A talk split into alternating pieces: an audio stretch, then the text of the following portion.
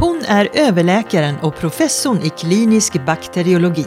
Men framförallt så är hon feministen som räds myter mer än virus.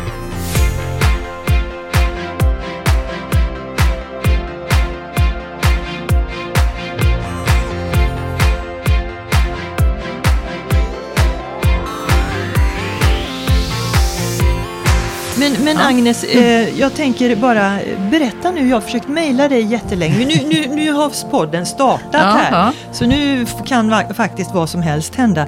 Men det var lite problematiskt att få tag på dig. För jag tänkte, har hon blivit så divig så hon inte svarar på mejl? Ja, alltså jag är ju inte världens bästa att alltid svara på alla mejl, men sen fyra veckor så är mejlservern kraschad på Göteborgs universitet och eh, jag får inga mejl och jag kan inte skicka och sådär. Så att, eh, och jag vet inte vad som har hänt och ingen vet. Och, ja, det är lite pinsamt. Och, Det är ju verkligen lite pinsamt och jag tänker, vad kommer hända när den funkar då?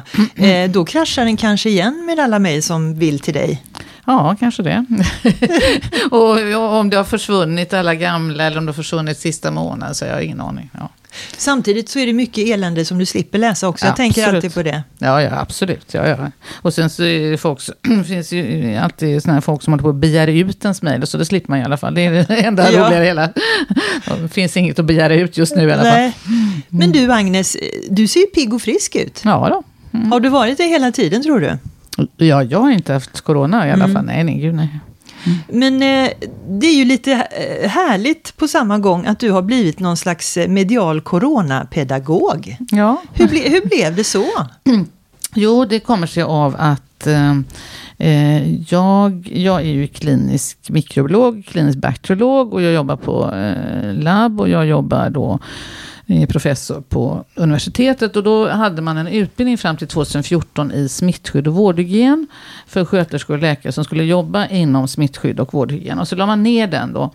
Det var en nordisk utbildning. Och sen så eh, la man ut då eh, en förfrågan vilka som ville ordna en sån, alla högskolor i Norden. Och då sökte vi det och så fick vi ordna den här då. Så, så, så jag har suttit de sista eh, tre åren och jobbat enormt mycket med att och göra en, en helt ny utbildning då som är på halvfart två år. Ehm, för folk som ska jobba med det här. Och det betyder ju då att jag har umgås ganska mycket med sådana här smittskyddsmänniskor och vårdhygienmänniskor då. Jag är ju inte sån själv då, men, men eh, jag är mikrobiolog. Och så kom ju då coronan och då, eh, vi hade ju en massa sådana här möten när vi satt och planerade undervisning, men de var ju tvungna att rusa ifrån hela tiden för det var sådana här coronamöten.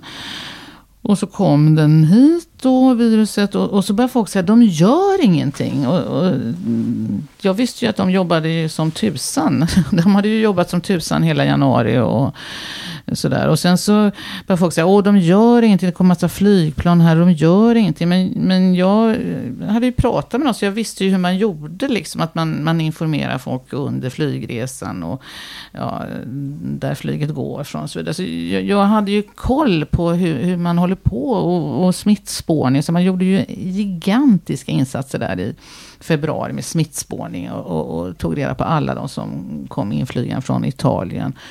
Kina och Iran då. Och följde upp dem jättenoga. Och så, här. Så då började jag ju twittra om det. Jag, jag, jag twittrar ju och så förklarar liksom. Jo, tack. Jag vet att du Ja, det twittrar. vet jag, ja, just det. det är min, jag älskar att twittra, det är så trevligt. Det är min eh, pub.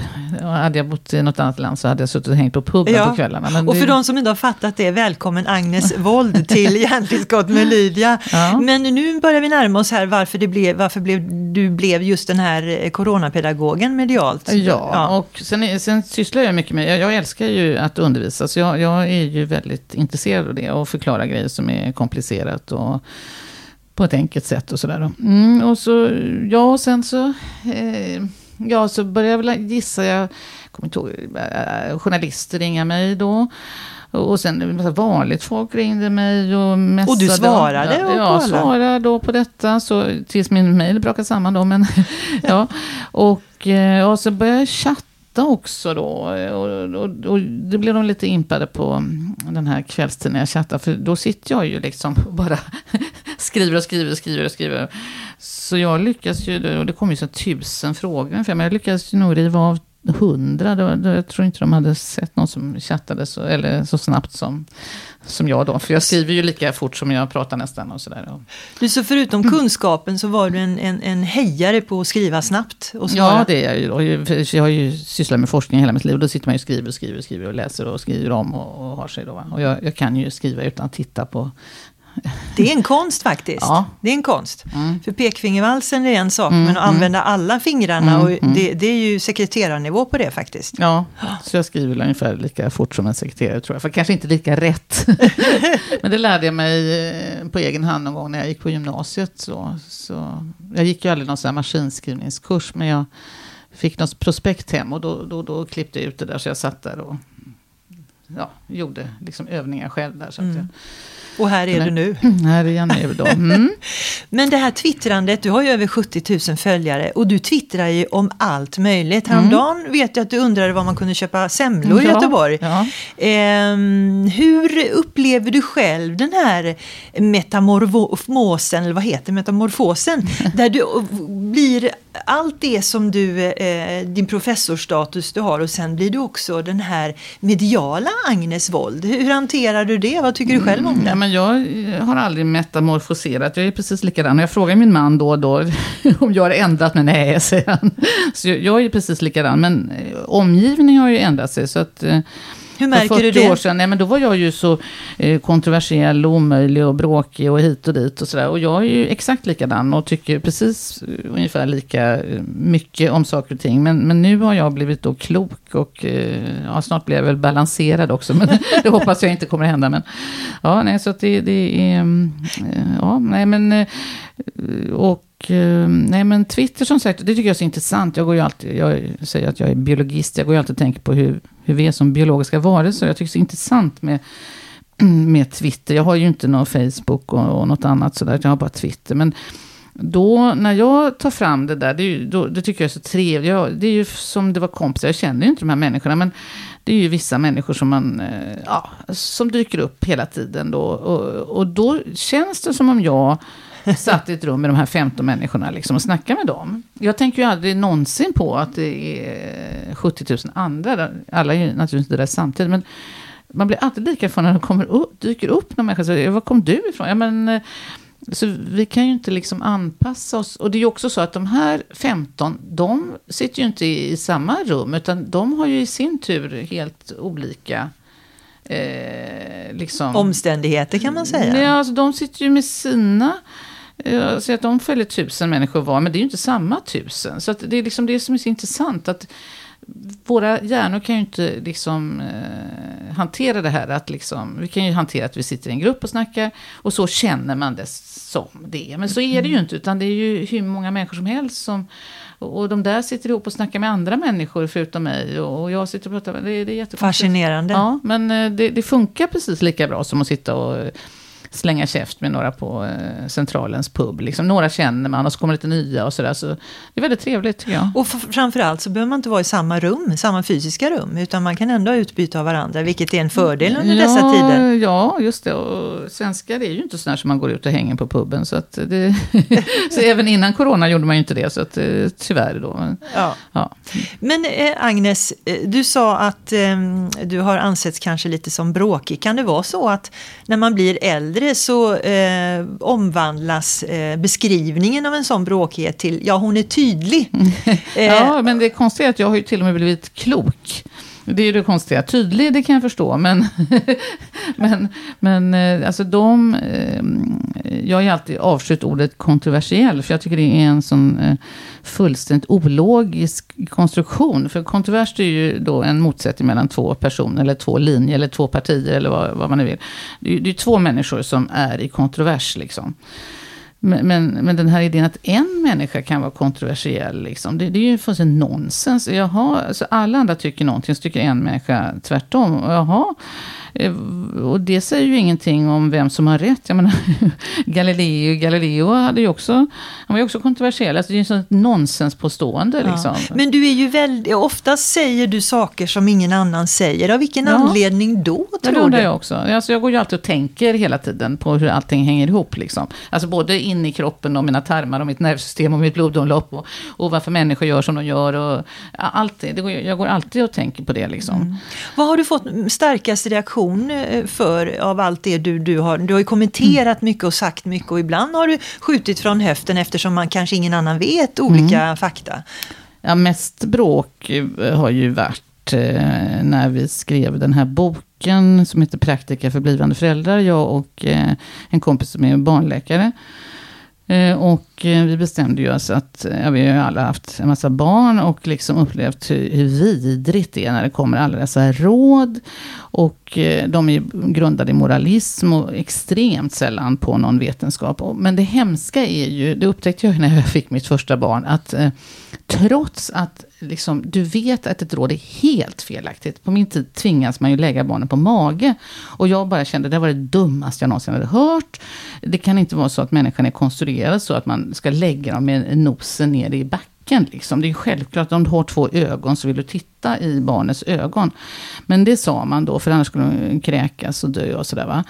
Och jag trodde inte dugg på det. Men sen upptäckte jag att jag la ju ändå inte mitt första barn på rygg. För du styrdes För av den allmänna? Tordes inte. Nej, jag, jag trodde ju inte på dem. Nej. Och jag trodde inte att de hade rätt och jag hade fel. Jag trodde de var eh, helt ute och cyklade. Men eh, då gick jag och analyserade det här. Och efter tre dagar så kom jag på varför. Nämligen att om mitt barn hade dött av någon helt annan orsak och jag hade så att säga varit så olydig och kaxig och gjort som jag ville. Då hade ju det varit mitt ansvar. Va? Mm. Och det är ju det som är så sjukt att Sverige som har, ingen population kan ha varit så välutbildad någonsin som svenska kvinnor. Alltså 60% är universitetsutbildade av svenska kvinnor generellt i hela befolkningen. Och inga följer så sinnesrubbade råd. Och det, det är ju så att ju smartare du är och ju mer fantasifull, ju mer kan du tänka dig hur fruktansvärt det vore om det hände någonting. Mm.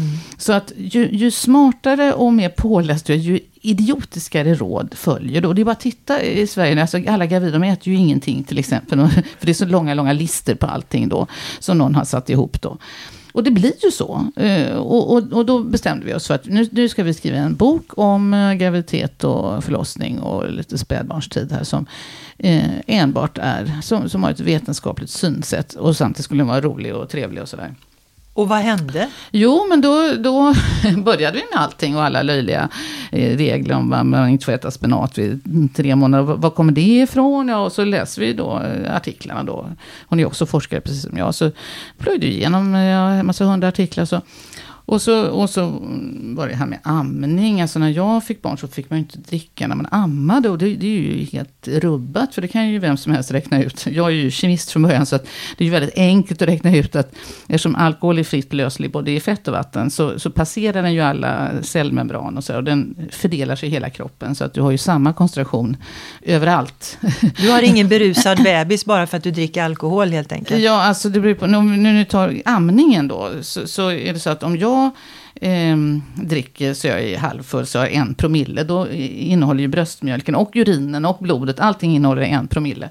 Alltså 0,1 procent. Och det är ju som lättöl utspätt 20 gånger. Det kan ingen, eh, liksom, det kan ingen påverkas av överhuvudtaget dricka något som är 0,1 promille. För det, det, de halterna finns ju överallt. Liksom. Och, och, man kan ta då extremet om man dricker tills man dör. Man dör ju vid kanske 5 promille. Då kommer bröstmjölken ha 5 promille. Och det råkar vara precis lika mycket som det är i kefir. Så att det är 0,5 procent alkohol. För det blir det i många sådana naturliga produkter. Men det är ju ingen som har satt varningstexter på kefir att barn inte får äta det. Utan det här är bara moralism. Ja, då skrev vi om det. Men sen kom vi till den eh, lite värre frågan då med, med eh, graviditet. Då. För då är det en annan sak. För om du har 0,1 promille i blodet, då får ju barnet 0,1 promille i sitt blod. Då. Ja. Och eh, det här upptäcktes ju på 70-talet här i Göteborg faktiskt. Eh, vilka förödande konsekvenser man såg på alkoholiserade mammor då som hade barn. Och de fick ju fruktansvärda skador och så vidare. Och det här ledde ju till att man blev väldigt uppmärksam på det här. Man frågar alla om man dricker under graviditeten, om man har program för det här och så vidare. Mm. Men eh, sen började vi titta på, då sa jag att, men, men jag kommer ihåg, det kom några studier från Danmark för tio år sedan som blev helt nertystade. Ingen fick prata om det. Då hade man liksom tittat på kvinnor som drack, alltså vanligt som, som man gör i svensk och dansk medelklass, lite vin då och då. Och då, då visade det sig, det var stora, väldigt välgjorda studier, att um, det, det, det, det händer ju absolut ingenting farligt om du drack upp till uh, jag minns inte exakt vad det var, sex glas vin i veckan tror jag det var. Under förutsättning att du inte dricker eh, för mycket och på ett tillfälle. Så där. Och då mm, skrev vi ihop allt det där. Och, och det, alltså, man, man, har ju sagt hela tiden åh, det finns inga data och ett glas vin kan skada. Nej, det kan det absolut inte. Det, det, finns, det finns jättemycket data nu för tiden. Det fanns inte då förr. Men nu finns det det. Det finns ju hundratals studier. Det finns så kallade metaanalyser och sådär. Men allt detta har ju varit förbjudet att överhuvudtaget yppa för att om kvinnor skulle få reda på hur det förhåller sig, då skulle de givetvis supa ner sig allesammans och, och vi skulle få massa skadade barn. Eh, alltså det, det, är ju den här idén då att kvinnor ska... Myten ja. helt enkelt. Ja, alltså den patriarkala synsättet att kvinnor är inte, de ska inte bestämma själva. Det är bäst att vi bestämmer åt dem då. Mm. För annars så händer något hemskt. Och det hemska som händer är att kvinnor skulle bete sig lika ansvarslösa som män helt enkelt. Va? Så att kvinnor måste liksom hållas i schack och kvinnor ska inte dricka för mycket och kvinnor ska, ja sådär. Men så du... det blev ett himla liv kan jag säga. Mm. Eh, för det var så förbjudet. Och, och skriva om detta då. Mm. Men det, du, jag menar, det står ju till och med på Wikipedia att du är känd för att ha gjort slarvsylta mm. av myter om städning, städning mm. amning och klimakteriet. Och vid det här mm. laget mm. vet ju alla att Agnes Wold tycker inte man ska bädda. Det var det första han fick lära. eh, för man kan bara stänga dörren som du säger. Alla ja, har ett sovrum. Jag bäddade ju när jag bodde i en etta då. Då, då hade man ju liksom ett rum och ett kök. Och, och det var ju dessutom ingen dörr emellan då. Så att då, på den tiden så ja, la jag på ett överkast och så här, för det var ju mitt vardagsrum liksom. Mm. Men sen, sen jag har Ja, det var ju i alla fall sen, sen jag var 23-24 år. Jag eh, fick ju mitt första barn när jag var 24. Så då har jag bott i större än en etta och det har jag aldrig bäddat, nej.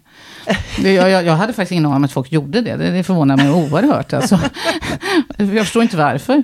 Nej, men jag, jag, och jag blir alldeles generad här nu för att jag har lärt mina barn att om ni bara bäddar, om ni lär er att bädda varje dag så kan ni åstadkomma underverk efter det. För då gör ni alltid samma sak och, och, och kan kan åstadkomma det, så att säga, en prestation. Och nu känner jag att jag blir helt generad här. Ja, det var pinsamt. Det var du, jättepinsamt. Du har lärt dem att kasta bort eh, fem minuter på något fullständigt meningslöst. Istället för att lära dem, liksom, tänk efter vad, vad, du gör, om det är någon, nytta med eller inte. Ja, men just det här ifrågasättandet som mm. du har i DNA, det kretsar mm, ju mm. väldigt mycket kring kvinnofrågor faktiskt. Ja, jag är ju feminist, det har jag ju varit sedan jag, så länge jag kan minnas då. Mm. Jag och, ifrågasätter ju allting annat också. Så jag är ju forskare, så att eh, om du hade träffat mig på jobbet så hade jag ju ifrågasatt... Eh, alltså, det, det, är ju forskarens natur. Men, men forskare är ju också ol, olika mycket ifrågasättande. Ja. Och, och, det är ju därför jag sysslar med detta. Liksom, att, och jag ifrågasätter ju allting, alltid. Mm. Vad, vad, vad, hur tycker du feminismen är idag då? Fångas idag? den upp av... Ingen aning.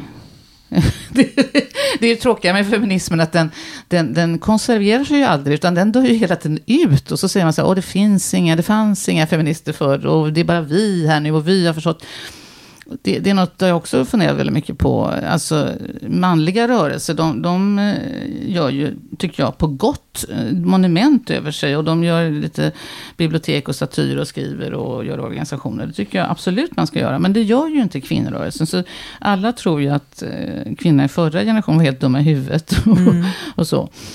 Men, men, men, kan det vara så här, Agnes, nu skjuter jag lite från höften här, men eh, det, det, det, läser vi om i tidningar varje dag, om det ökade våldet och så vidare. Det känns lite grann som... våld?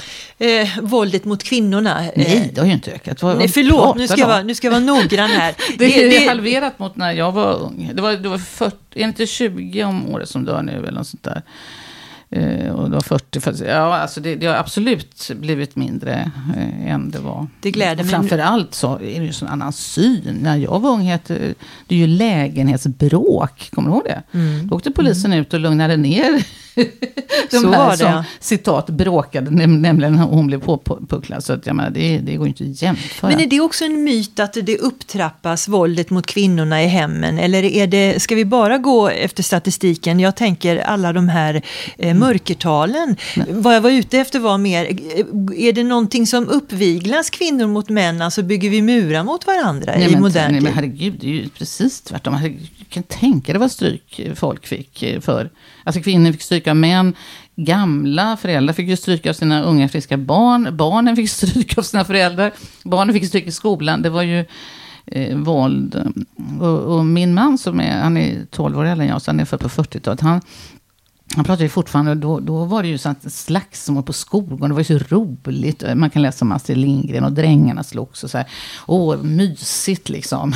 Jag menar, det, Slåss jag, man för lite menar du? Nej, nej, nej. Men jag menar, jag tycker inte alls. Jag, jag är överkänslig mot våld. Jag kan inte se på sån här glad våld på tv då. Jag avskyr deckare och sånt där. Och speciellt eftersom alla eh, offer är kvinnor. Du har säkert gått på den här myten för att eh, Eh, man har ju en sån enorm eh, ideologiproduktion om att det är så farligt för kvinnor. Eh, men i själva verket är ju de flesta som mördas ju män. Jag kan inte siffrorna men jag skulle gissa att det är 70-80% av alla som faller offer för dödligt våld är män.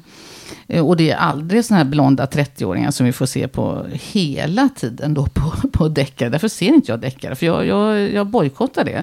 Eh, och så ska de skrika med den här gälla rösten. Jag är säker på att en man som blir mördad skriker också med gäll röst och, och, så. Men det får vi aldrig höra. Utan det här är ju ideologiproduktion som ska göra att kvinnor ska känna sig hjälplösa. Och så sitter de på, och så blir hämtade av sina män på jobbet för det är så farligt att gå ut. Det är ju inget farligt att gå ut för en kvinna, herregud.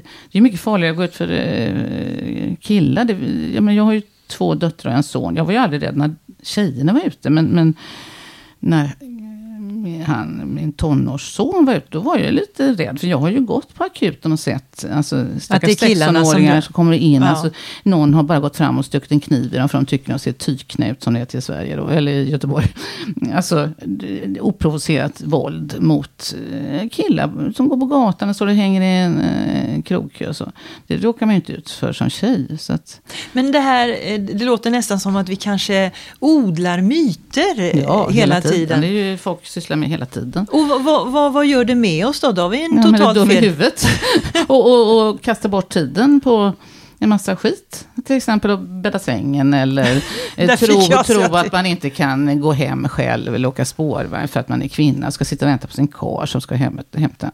Det är naturligtvis mycket farligare att han är ute och går i parkeringshuset än att du själv tar dig för egen maskin då. Så att, uh... Hur har det varit för din man att leva med en sån feminist? 12 år ja. äldre som han är, han kanske är... Mm, ja, han är tålig. så att, har ni eh, haft några duster kring sådana här frågor? Mm, ja, ja, alltså, det var ju mycket duster när när barnen var små. Det är ju det är ett pressat liv man har som småbarnsförälder. Men nu bråkar man ju aldrig längre. Det finns ju inget att bråka om liksom. Det, Allt är över. ja, absolut. Men, men eh, då var ju tiden en begränsande faktor som man slogs om då. Ja. Mm. Du och jag ses ju i ett sammanhang eh, där du precis har föreläst hur det här viruset funkar för folk inom sjukvården. Och då tänkte jag så här, ja men de vet väl det mesta. Men, men eh, din uppfattning är att folk har ganska dålig koll på hur viruset funkar? Nej men det vet jag inte. Men jag, jag, eh, jag är ju den, jag har ju det här förskolepedagogiska eh, synsättet. Så jag tycker det är väldigt, väldigt sällan man är på någon föreläsning man säger, åh det här var alldeles för lätt och jag kan allting. Utan ofta så eh, liksom eh, börjar folk på en nivå så har, har, de inte talat om de här enkla grejerna och så eh, hänger man inte med. Så jag tycker man ska alltid börja väldigt enkelt. Och, och jättemånga människor har ju inte grunderna då, utan man har lärt sig liksom ja, en massa saker halvvägs upp då, så man hanterar grejer. Man vet liksom inte riktigt varför då. Mm. Det, det, är ju för, alltså går man på läkarlinjen, då börjar man ju med anatomi och kemi och cellbiologi så håller man ju på att mala alltså, i sex år. Det är ju underbart. Så att då, då, då sitter det. Då kan man liksom det där från uh, allting. Liksom. Så att, uh, det, alla kan inte det, många glömmer det. Men, men jag som är besatt av människokroppen och dessutom hade läst kemi och biologi innan. Jag, jag då, då har man ju koll på allting. Men det har ju inte alla förstås. Nej. Men eh, det jag vill minnas under din föreläsning, och det är väldigt lätt att komma ihåg, det är att det här är ju sprunget ur vanliga förkylningssjukdomar. Det finns ju olika virus som, som är sprungna därifrån, från våra influensasjukdomar och så vidare. Och, och, och vi har varit igenom SARS både 2003 2008. Du berättade ju om de här mm, mm. Eh, övriga pandemierna. Eh, och nu är vi på covid. Hur, hur, hur skiljer detta sig från tidigare mest för, en, för eh, vanligt folk så att de förstår? Coronavirus finns ju då fyra stycken eh, stammar kan man säga som är, ger vanlig förkylning som har funnits i evigheters evigheter. Sen finns det väldigt många djur som har coronavirus också. Katter och hundar har sina coronavirus och fladdermöss och kameler och alla möjliga. Och då, så det kom då eh, en gång tidigare ett som heter sars, kanske också från fladdermöss. Vi vet ju inte till hundra procent, men, men man gissar kanske det.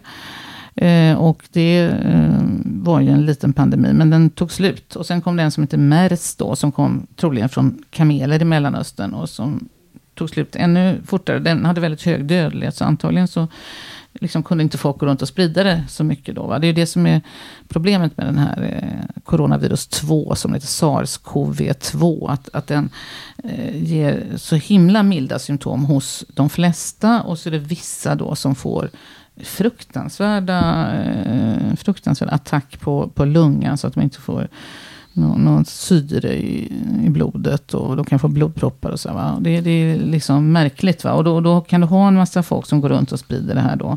Utan att vara särskilt sjuka. Och så, och så har du några som blir Och det är väl lite grann det lömska i mm. coviden. Mm. Att den smittar mm. utan att folk vet om det och vet det själva så att säga. Ja, det gäller ju typ alla sjukdomar.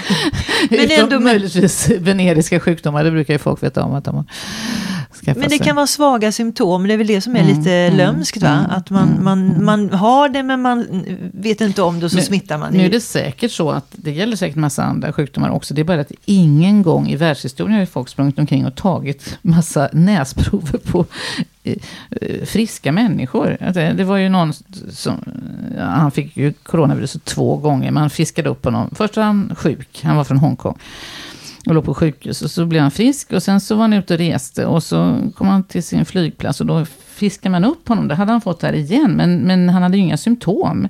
Så ingen människa hade ju vetat om det. Om man inte hade sprungit där och stoppat ett pin i näsan på honom. Va? Så mm. det är ju säkert så att vi, eh, om vi tar en vanlig influensasäsong, det är säkert så att eh, 50 gånger fler människor också har lite, någon pytteliten influensa i näsan som ingen märker. Det är ju ingen som har kollat liksom. Så att det blir säkert, nu vet jag inte om folk orkar göra det här. På, men, men det kommer ju säkert att skriva om lite grann det här med, alltså jag är ju bakteriolog, då finns det en normalflora. Vi har ju massa bakterier som, som, som bor på våra slemhinnor, på huden, så här, inte gör någon större skada. Som man kan bli sjuk av ibland för de tar sig in i kroppen. Så.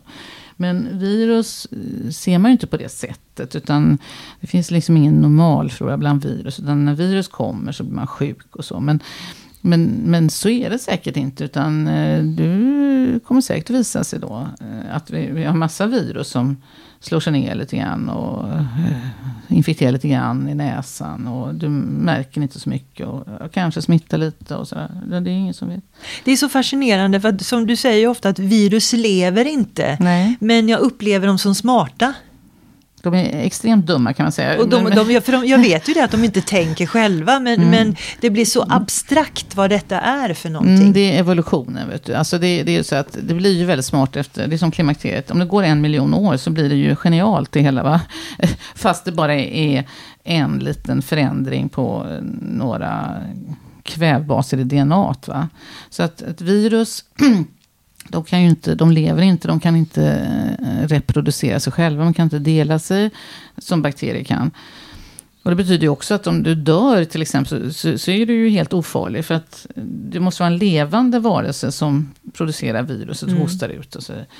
Men eh, eh, jo, så de kan inte, och de kan inte röra sig, de kan inte tillverka energi och så. Utan allting gör vi åt dem då? Så det enda de gör det är att, att de har en, ett, ett protein som binder till en, en struktur på en cell, då, en sorts cell.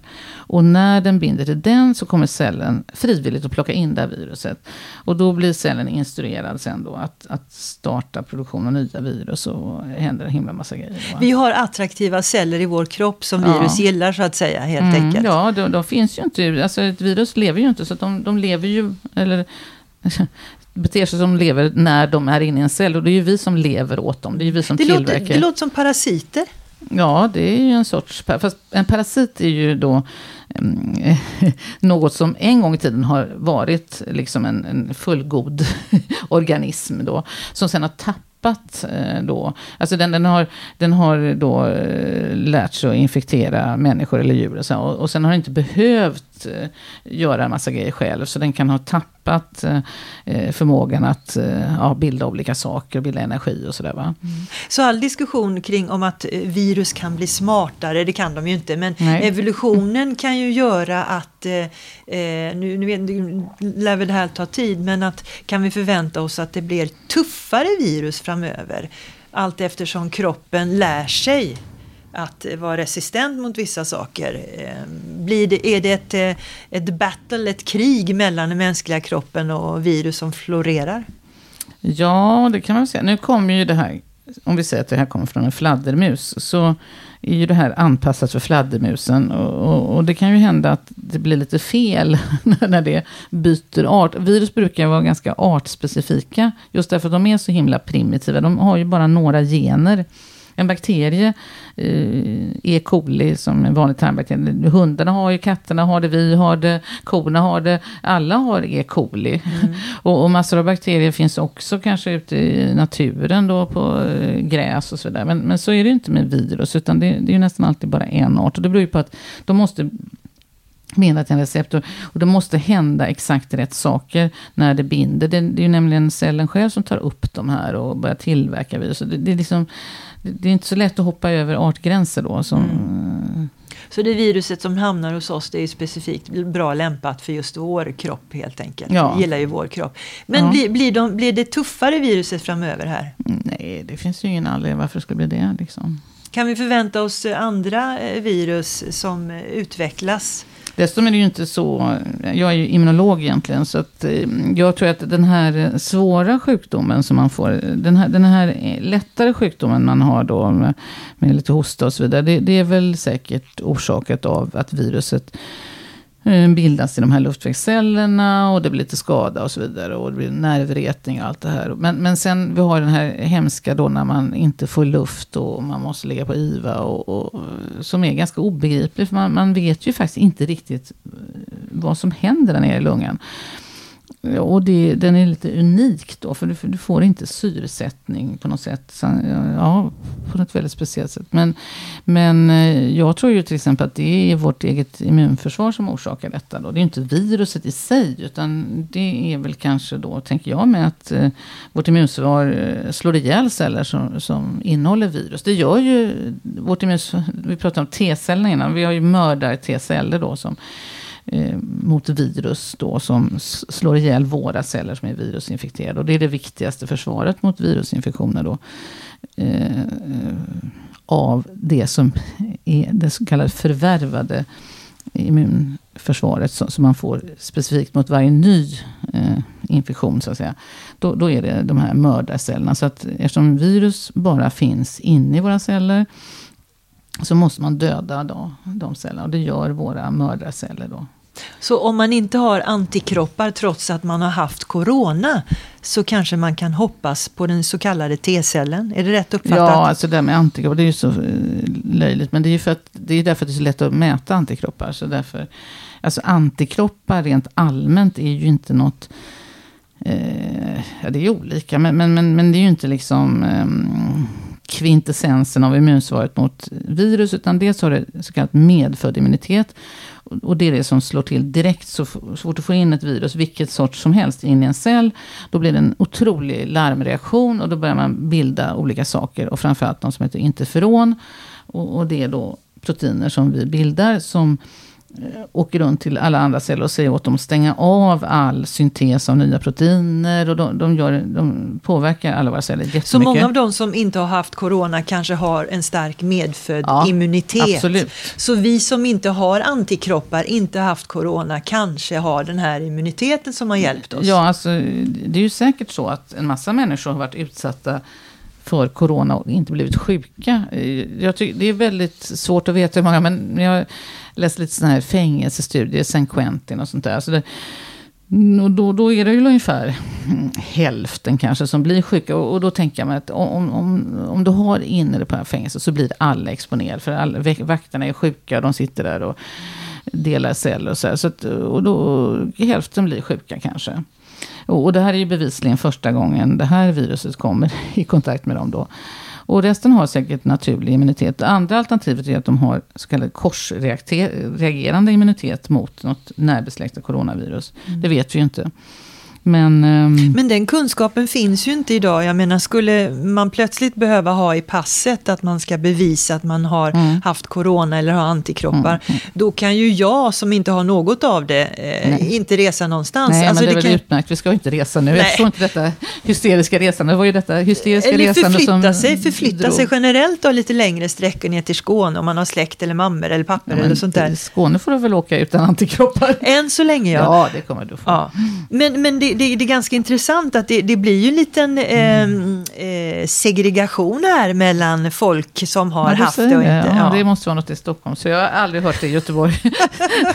Men tänkte du när du eh, planerade, i alla fall när du tänkte så roligt jobb, tänkte du då, ja, immunolog? Nej, nej, det, nej, nej, gud nej, nej, nej, det var en slump att jag, det, det tyckte jag inte alls var något särskilt roligt. Det bara blev så då för att, ja, det, jag vickade på ett labb och ja, det var, det var sådär. Men eh, nej, men eh, jag har alltid tänkt att jag måste ha ett jobb som, eh, alltså, som är som en skola hela livet. Alltså jag älskar ju att studera liksom, eh, och, plugga och tenta och sådär. Det, det, det är min idealtillvaro. Så att mitt, mitt liv måste vara som en stor utbildning med tentamina och sånt där. Och så att, eh, hur, man- går, hur går det med ditt dåliga minne då när du gillar sånt här? Tenta och hålla Jo, på? men jag kommer ihåg sånt. Vet du. Det är epi- episodminnet. Jag tror att du som är hjärnpoddare, jag, jag kan ju inte så mycket om hjärnan, men, men det, jag har lärt mig att det finns två sorters minne, alltså episodminne och semantiskt minne. Och semantiskt minne, det är ju mer att komma ihåg sådana fakta och man har läst och sådär. Och det gör jag ganska bra då. Men, men det här med att vi gjorde det här och det här, det är liksom, och vad det var för väder igår? Jag har ingen aning vad det var för väder igår, eller i alla fall inte för en vecka sedan. Jag kommer inte, absolut inte ihåg det. Om det var varmt eller kallt i somras eller, nej, inte alls. Och vad jag gjorde för tre år sedan och så, det kommer inte jag ihåg. Men jag, det, min pappa var likadan, för att det kommer jag ihåg då. Därför, annars hade jag ju trott att jag höll på att bli dement. Men jag minns ju då från min barndom, han sa, oh, Anna-Lisa, du kommer ihåg allting, sa han till min mamma. För min mamma kommer ihåg allting då.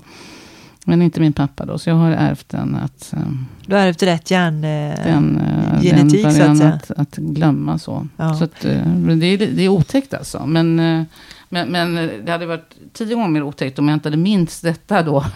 från min barndom, att min pappa uppenbarligen var sån då. För han tittade liksom med förundran på min mamma då, som mindes. Jag har ju sådana kompisar som minns allting och minns vad jag gjorde och sådär. Det, det är ganska obehagligt alltså. Att, att känna att, nej men det Det är borta. inte. Ja, är borta. Vissa saker Det är borta. Ja. Men jag menar som professor, du, måste ju minnas mycket ändå liksom. Mm, Det är- jo, jo, men det är ju en annan sak. Alltså, så, det kan ju, alltså, jag, jag minns ju den artikeln och då, siffror och sånt där. Det är en annan sak. Det, det måste vara, men det vet väl du som är hjärnpoddare. jag kan inte något om hjärnan, men, men eh, jag, jag tror att det är en, en annan sorts inlärning helt Ja. enkelt. Du, jag tänker, har du träffat de här människorna som du ibland kommenterar, Anders Tegnell och kompani och sådär? Nej, aldrig har du blivit eh, kontaktad? På nej, något sätt? Nej, nej. Eh, Det, nu när man läser eh, en stackars, de, de begär ut deras mejl och så ser man halva jävla Sverige verkar ju sitta och skriva brev till dem. Alltså alla professorer, jag, jag blir lite chockad. Alltså, folk tycker att jag är självgod och kaxig, men jag skulle i alla mitt liv sätta mig och skicka mejl till eh, myndighet och tala om att jag, jag tycker personligen att du borde gjort så här och bla bla bla. Men det verkar ju hälften av alla mikrobiologer har gjort. Jag är förstummad faktiskt. Jättekonstigt. Det engagerar, för är det olika åsikter? Är det Ja, de är så själv, det är en akademisk självgodhet alltså. Ja, men det är ju inte klokt tycker jag att- skriva till, till dem, herregud. Man ska inte tycka och så, men, men eh, hur, hur, kan man tro att man själv kan detta mycket, mycket bättre när de ändå har... Eh, det, det, finns naturligtvis saker som jag kan bättre än Tegnell, till exempel immunologin då. Men, men, men, eh, det är klart att jag är ju absolut ingen infektionsepidemiolog. Då. Och, Vad kunde man ha framhållit tydligare när det gäller immunologbiten kring pandemin? Nej, man behöver inte framhålla någonting immunologiskt. Jag menar bara att liksom alltså, forskning, vetenskap, så är, den är, så, det är så otroligt mångfacetterat. Så att ingen människa kan ju allting, inte ens i, i närheten av. Så, så, så det kan ju finnas saker som, som man kan mer än en sån här expert inom ett väldigt speciellt fält. Men jag säger, det är ju naturligtvis inte något viktigt för hur eh, pandemin hanteras. Jag skulle aldrig någonsin skriva till honom och säga, hörru du, jag tycker personligen att just IgG-antikroppar kan vara lite farligt. Har du tänkt på att eh, de faktiskt kan kanske skada sig? Eller så? Nej, det skulle jag inte göra. Mm. Vilken myt skulle du vilja eh, att man faktiskt fick upp ögonen för att, att eh, och, och titta nyktert på och inse att Eh, men då kan man väl ta det här, alltså vi nu pratar, det som faktiskt retar mig oerhört är den här myten att, att kvinnor, det är farligt för kvinnor att vara ute och, och det är ofarligt för män. För då är det mycket, mycket bättre om män satt inne. Det är mycket farligare för dem att vara ute. Det är dessutom farligt för alla om de är ute. Och den här Eh, alltså män underskattar ju alltid fara och kvinnor överskattar fara. Och, och, det är ju säkert biologiskt. För att om du har hand om barn så är det ju evolutionärt bra om du överskattar faran. För då, då slarvar du inte bort barnen. Och män har väl då ofta då slagits och krigat. Och då måste du underskatta faran. För om du hade ett nyktert förnuft så skulle du förstå att det är lika stor risk att det blir jag som blir dödad som den andra. Men då hade ju inte folk knatat ut i krig och slagsmål och så om de hade förstått det då. Så därför blir det, och sen så håller man på och, och mal de här myterna. Och det retar ihjäl mig att kvinnor sitter och tror att eh, det är farligt att vara kvinna och det är ofarligt att vara man. Och, och män har gått på det här också. Och hela den här eh, smörjan liksom, att de ska beskydda kvinnor. Så det är dumt alltihopa. Så din make är inte orolig när du går ut på kvällarna? Han är orolig när jag cyklar. Och så, jag har inte cyklat massa år. Jag är lite disträ. Så att, eh, så att han sa att jag inte fick cykla här. Men, men nu har jag faktiskt skaffat mig en cykel igen. En sån här med breda däck. Då. Det är ganska farligt att cykla i Göteborg med spårvagnsspåren. Jag vet inte, dels är spårvagnar extremt farliga. Sen är det också väldigt farligt med spåren. Då. Så om du har smala däck på en cykel så kan de liksom spåra in, in i dem där. Och så fastnar det. du där. Liksom. Det är ganska otäckt. Men får din man bestämma över dig? Vad du ska göra när han säger att du får inte cykla? Mm, ja, men han sa det så snällt. Men han var så orolig att jag skulle köra ihjäl mig. Nej, det är klart han inte bestämmer. Och jag bestämmer absolut inte över honom. Och ingen bestämmer över våran hund. Och så det är, det är ingen som bestämmer hemma hos oss. Det är ingen som nej, bestämmer nej, hos er? Nej, nej. Okej, vem bestämmer middagen då? Ja, det gör min man, för han lagar ju maten då. Ja, mm. Och det är du som jobbar helt enkelt. Mm. Men Agnes Woll, vilket eh, långt härligt samtal om, både, mm. om allt möjligt. Tack för att du kom hit och, och lycka till med alla cykelturer då, får jag väl säga. Ja. det låter väldigt pretentiöst det hela, men... Um... Låt oss hålla tummarna oavsett vad som mm. kommer här framöver, eller hur? Mm. Tack så mycket Agnes ja, Woll. Tack ska du ha.